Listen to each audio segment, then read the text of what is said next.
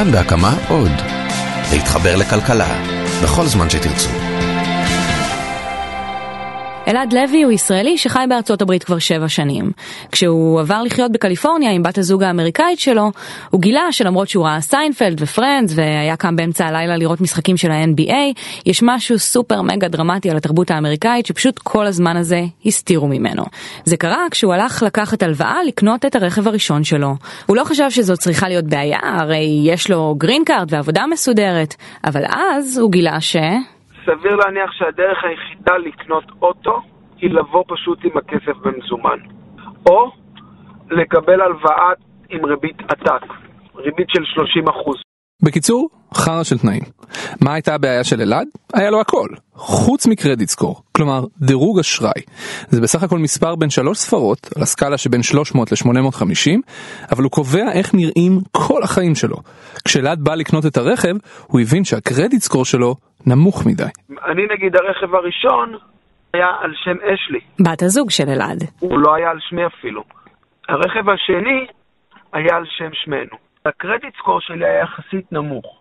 הריבית שאני הייתי מקבל הייתה 7%. הריבית שאשלי קיבלה הייתה אחוז.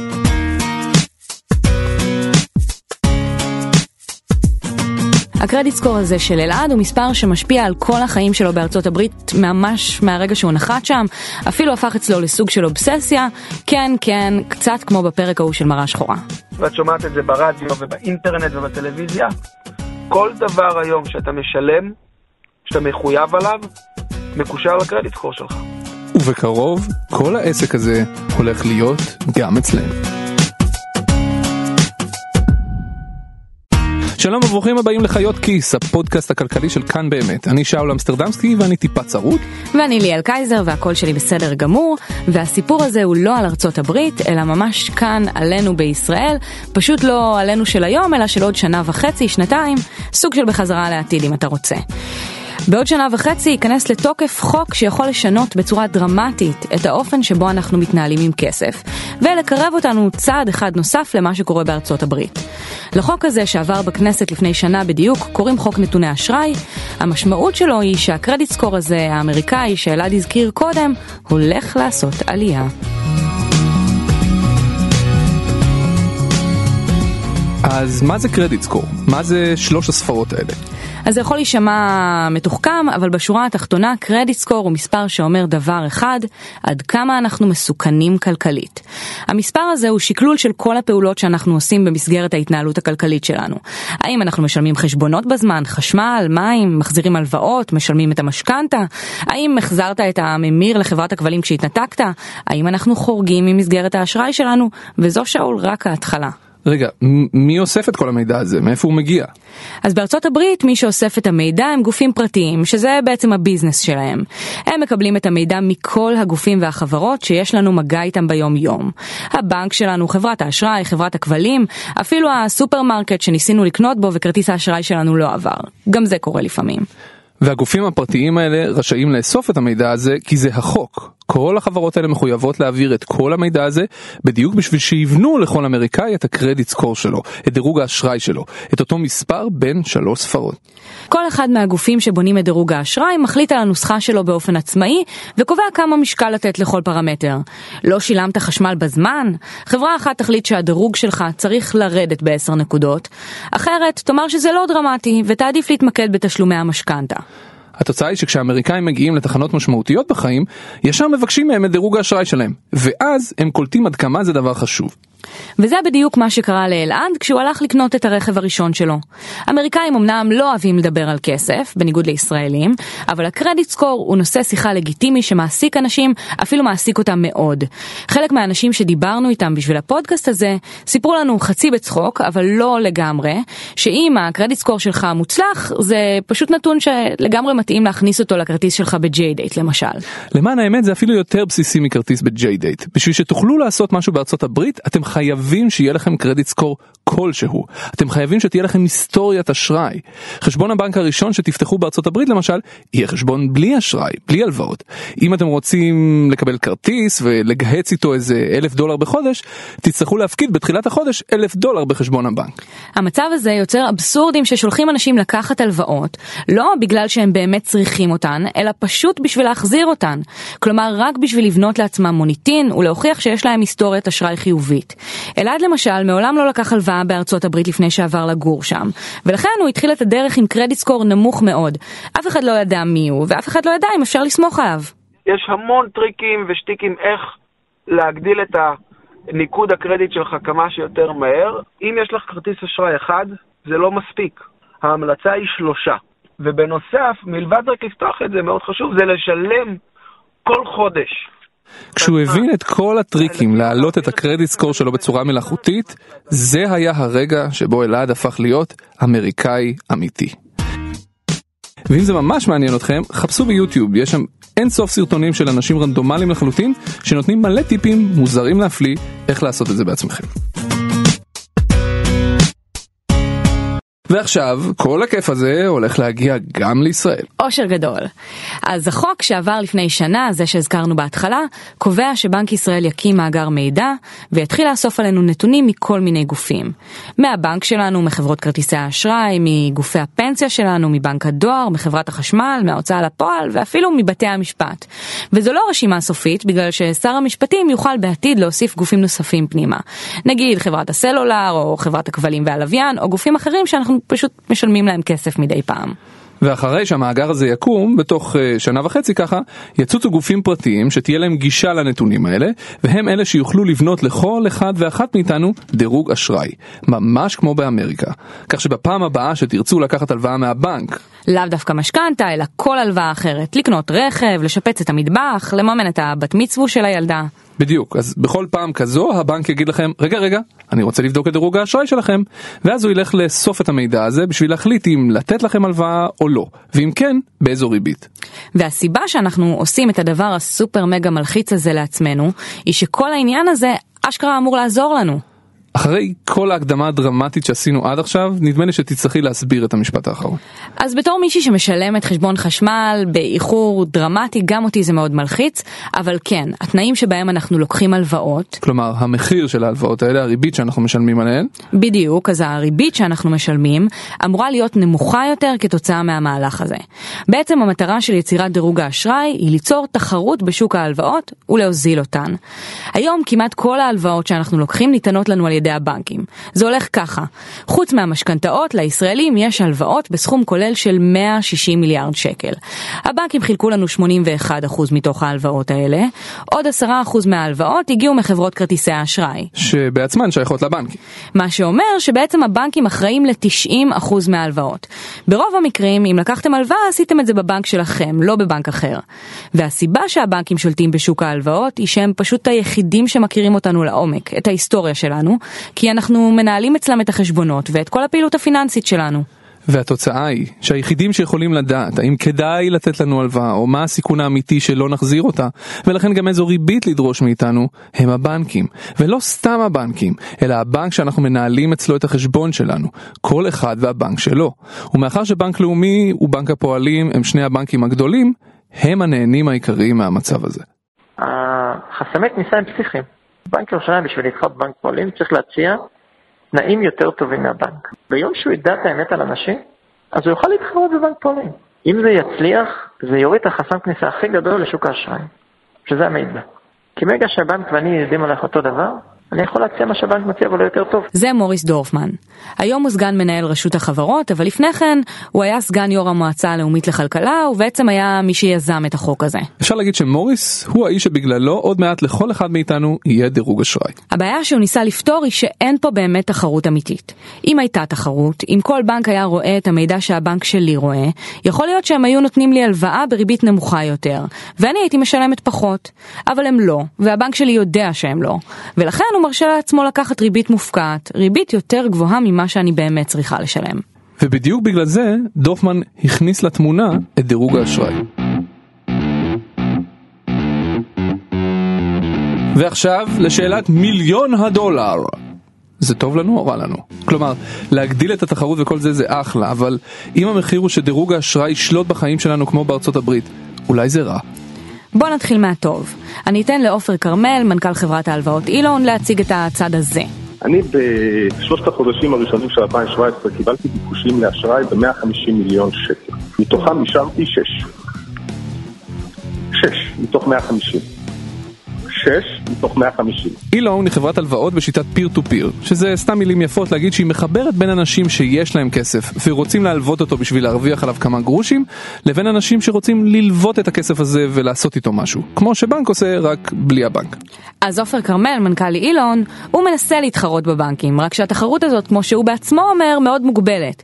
זה לא שהוא לא רוצה לתת הלוואות, כמו שהוא פשוט מפחד, ולכן נותן הלוואות לחלק קטן מאוד מהאנשים שמבקשים לקחת כסף דרכו. הוא פשוט לא מכיר את האנשים האלה מספיק טוב. החוק הראשון, ככל שיש לך מידע, אתה יכול לקבל אה, אה, החלטה יותר פשוטה ויותר נכונה. והאינטרס שלנו, אני יודע שזה לא נשמע ככה, אבל האינטרס שלנו זה לתת ריביות נמוכות. היום אני נותן ריביות יותר גבוהות כי, כי אני לוקח סיכון ו, וחסר לי מידע. אז אני, אני מגדר את עצמי בריבית יותר גבוהה. אחר אני יכול לתת הלוואות יותר זולות. זו גם הסיבה שבגללה בנק ישראל הלך למהלך הזה ומקים את מאגר נתוני האשראי. האמת, זה לא מדויק. במשך הרבה שנים בנק ישראל תקע את המהלך הזה כי הוא פחד שתחרות גדולה מדי עלולה לזעזע את יציבות הבנקים הגדולים. זה מתחבר לזה שבמשך שנים שני הבנקים הגדולים, הפועלים ולאומי, התנגדו למהלך הזה נחרצות, הפעילו לוביסטים בכנסת בשביל למסמס את החקיקה הזו, ועשו את זה בסך הכל בהצלחה גדולה. אבל הנה בשנה שעברה, אחרי מספיק לחץ פוליטי מצד שר האוצר ומשרד ראש הממשלה, בבנק ישראל נכנעו. והיום נגידת בנק ישראל קרנית פלוג היא בעצמה מהתומכים הגדולים ביותר של דירוג האשראי, ואפילו מסבירה למה זה מהלך צרכני חשוב. זה ייתן הרבה יותר כוח לצרכן של האשראי שיוכל בעצם עם אותה תעודה שמשקפת את מצבו אה, מבחינת הסיכון שלו והוא יוכל להתמקח עם אה, גופים שונים שיהיו בשוק ויוכלו אה, להציע לו אשראי. אז זה בהחלט כלי חשוב לשיפור התחרות בתחום האשראי הצרכני. כלומר בעצם המהלך הזה מנסה להעביר את הכוח אל הצרכנים. אלה לא רק הבנקים שיוכלו לברר מה דירוג האשראי שלנו ולהחליט אם להלוות לנו כסף או לא, אלא גם אנחנו נוכל לברר את זה ולהשתמש במידע הזה בשביל לעשות שופינג פיננסי, להתמקח ולקבל ריביות טובות יותר. ועכשיו, לחלק הרע. Great news, everyone! We only f***ed up a group equivalent to the entire population of Sweden. We're the greatest! יש כל מיני טיעונים נגד הסיפור הזה, נגד ליצור דירוג אשראי לכל אחד מאיתנו. הטיעונים האלה נחלקים לכמה סוגים. יש את הסוג של זה יותר גרוע מהמאגר הביומטרי, כלומר טיעונים על פרטיות וכאלה. אין לנו משהו ממש חכם להגיד על זה חוץ מזה שלדעתנו אנחנו חיים בעולם שבו ממילא כולם אוספים עלינו המון מידע כל הזמן, אז לפחות שפעם אחת יצא לנו משהו מהמידע הזה. יש טיעונים מהסוג של השכבות החלשות ייפגעו. הטיעון הזה נכון ולא נכון. יש היום אנשים שמצבם הכלכלי רע והם מצליחים לקבל הלוואות מהבנקים, פשוט כי הבנקים לא מבינים כמה מצבם רע וכמה מסוכן להלוות להם. כשיהיה לבנקים מידע מה מהמאגר, אז נכון, יש סיכוי שהאנשים האלה לא יוכלו בכלל לקבל כסף מהבנקים וימצאו את עצמם נדחקים לשוק האפור. גם דורפמן מודה בזה אגב. ברגע שיהיה את המידע האמיתי על ההתנהגות של כולנו, אנשים שההתנהגות הבנקאית שלהם היא לא טובה, זאת אומרת לא מחזירים בזמן וכדומה, ייפגעו. יש אנשים, שבדרך כלל חלק מהאנשים החלשים, שהיום הם מסובסדים כל עוד המערכת לא לגמרי מבינה שיש בעיה איתם. כלומר, אם אני לקוח בעייתי בבנק פועלים ואני אלך לבנק לאומי, מצד שני, כבר היום לבנקים יש רשימה שחורה של אנשים שלא משנה מה לא יקבלו מהם הלוואות. אם למשל החשבון שלך הוא חשבון מוגבל כי חזרו לך יותר מדי צ'קים, אתה תמצא את עצמך ברשימה כזו ותצטרך להסתדר בעצמך. המאגר החדש יאפשר לגופים שמלווים כסף לדעת מהו מצבו האמיתי של כל אחד. ככה שייתכן שאנשים שהיום לא מקבלים הלוואות, כי הבנק חושב שמצבם איום ונורא, דווקא יקבלו הלוואות במצב החדש. סוג של 50 גוונים של אפור במקום רשימה שחורה אחת. ועכשיו אנחנו מגיעים לטיעון האחרון ואני מודה שזה הטיעון שאני הכי מחבב. להקים מאגר מידע כזה ולהצמיד דירוג אשראי לכל אחת ואחד מאיתנו פשוט יהרוס לנו את החיים כי כולנו נפתח אובססיה לדבר הזה בדיוק כמו בארצות הברית. ואנחנו לא מגזימים כשאנחנו אומרים אובססיה. האמריקאים משתמשים במספר הזה לכל דבר. כדי לשכור דירה, כדי למצוא עבודה, כל דבר אחר שאפשר לחשוב עליו. יאבא בשביל שלא נגיע למצב הזה, האנשים שבנו את החוק הישראלי ניסו לעשות את זה טיפה אחרת. דבר ראשון, החוק קובע ש שמי שמלווים לנו כסף יוכלו לבקש את המידע עלינו רק כשיש עסקה רלוונטית על הפרק, כשאנחנו באים לבקש מהם הלוואה, לא סתם כי בא להם לדעת מה מצבך שאול. מעבר לזה, החוק קובע שלמעסיקים שלנו אסור יהיה לבקש את המידע הזה בשביל להחליט אם להעסיק אותנו או לא. ובשביל למנוע מצב שבו אנחנו בעצמנו ננדב את המידע הזה למעסיק כלשהו, בשביל לאותת לו למשל שכדאי לו להעסיק אותנו, החוק קובע שלמעסיקים אסור יהיה לקבל את המידע הזה בכל מצב שהוא. מה שכן, חוץ מההגבלה הזו על מעסיקים, החוק לא מונע מאיתנו להעביר את דירוג האשראי שלנו למי שזה לא יהיה. לאנשים שאנחנו רוצים לשכור מהם דירה, או לקנות מהם אוטו, למי שאנחנו רוצים לצאת איתו, או למי שאנחנו רוצים לעשות בייביסיטר לילדים שלו. כי בתכלס, אם יש לך דירוג נמוך, אז לך תדע, אולי אתה בכלל מועד לכל מיני דברים לא נעימים. ואת זה כבר שום דבר לא ימנע. אם אתם תרצו להשתמש בדירוג הזה בשביל להראות שאתם אנשים סבבה, אתם תעשו את זה. ואם ככה תיווצר נורמה חברתית וכולם יתחילו לעשות את זה, סיכוי לא רע שתוך זמן קצר נגיע לרמת האובססיה של האמריקאים. ואם נגיע לרמת האובססיה של האמריקאים, אז כדאי שתשמע את הדבר הבא. One in four had an error and one in 20 were seriously wrong. And that is not good. Helen McGill was shocked when she went to buy a travel trailer to learn she was dead. Just one error on your credit report, and suddenly the world treats you like a mean girl treats the high school debate team. You're nothing, Amberley. You don't even exist. זה הקומיקאי ג'ון אוליבר שהקדיש לא מעט דקות בתוכנית שלו לעניין הזה של הקרדיט סקור. הוא מספר שבארצות הברית לרבע מהאמריקאים יש טעות כלשהי בנתונים של דירוג האשראי שלהם, כמו הגברת הזו שהוא הציג שמישהו שם פשוט החליט שהיא מתה. והטעויות האלה גורמות לאנשים לשלם יותר על המשכנתה שלהם, ולפעמים אפילו מונעות מהם את האפשרות לקבל הלוואות. זה נשמע טכני, אמנם, אבל זה בסוף מה שבאמת דופק לאנשים את החיים.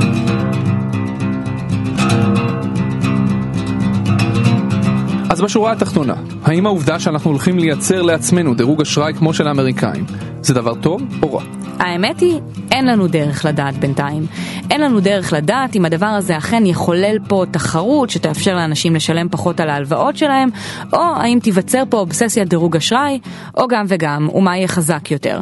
מסוג הדברים האלה שאין לך דרך לבדוק מה קורה איתם לפני שאתה מנסה אותם. ומאחר שאנחנו לא רוצים לסיים את הפרק הזה באם כל הקלישאות ימים יגידו, הנה פשוט עוד קטע מג'ון אוליבר.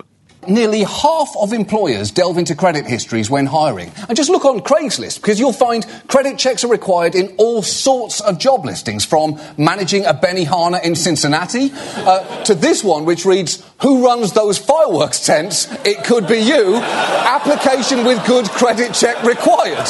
Which is clearly ridiculous. They don't need to bring credit into that job. They just need to ask the question, what do you think of fireworks? And then hear the answer, fireworks are fucking sick, bro. I fucking love lighting those fuckers. אם חייתם בארצות הברית ודירוג האשראי הרס לכם את החיים, או אם יש לכם טיעונים מדהימים למה דירוג האשראי זה הדבר הכי טוב בעולם, כתבו לנו. נשמח לתת את הבמה לסיפור שלכם. אפשר למצוא אותנו בטוויטרים שלנו, או בפייסבוקים שלנו, או בעמוד פייסבוק החתיך שלנו, כאן באמת. כנסו ועשו לנו לייק. כל הפרקים של חיות כיס זמינים באפליקציית הפודקאסטים החביבה עליכם וגם באתר שלנו כאן.org.il אתם יותר ממוזמנים להציע לנו רעיונות לסיפורים חדשים לספר. תודה לטכנאי הקלטה אסף רפפורט, למפיק שלנו רום אטיק ולאיש העכביש אייל שינדלר. ותודה גם לאנשי הצוות של כאן באמת, אפרת לוי, סויני טל, איתן מלכי ואביטל צייטלין, על הטיזרים הסופר יפים שהם מכינים לפודקאסטים שלנו. תודה רבה ליאל. תודה רבה שאול. ותודה רבה לכם שהאזנתם.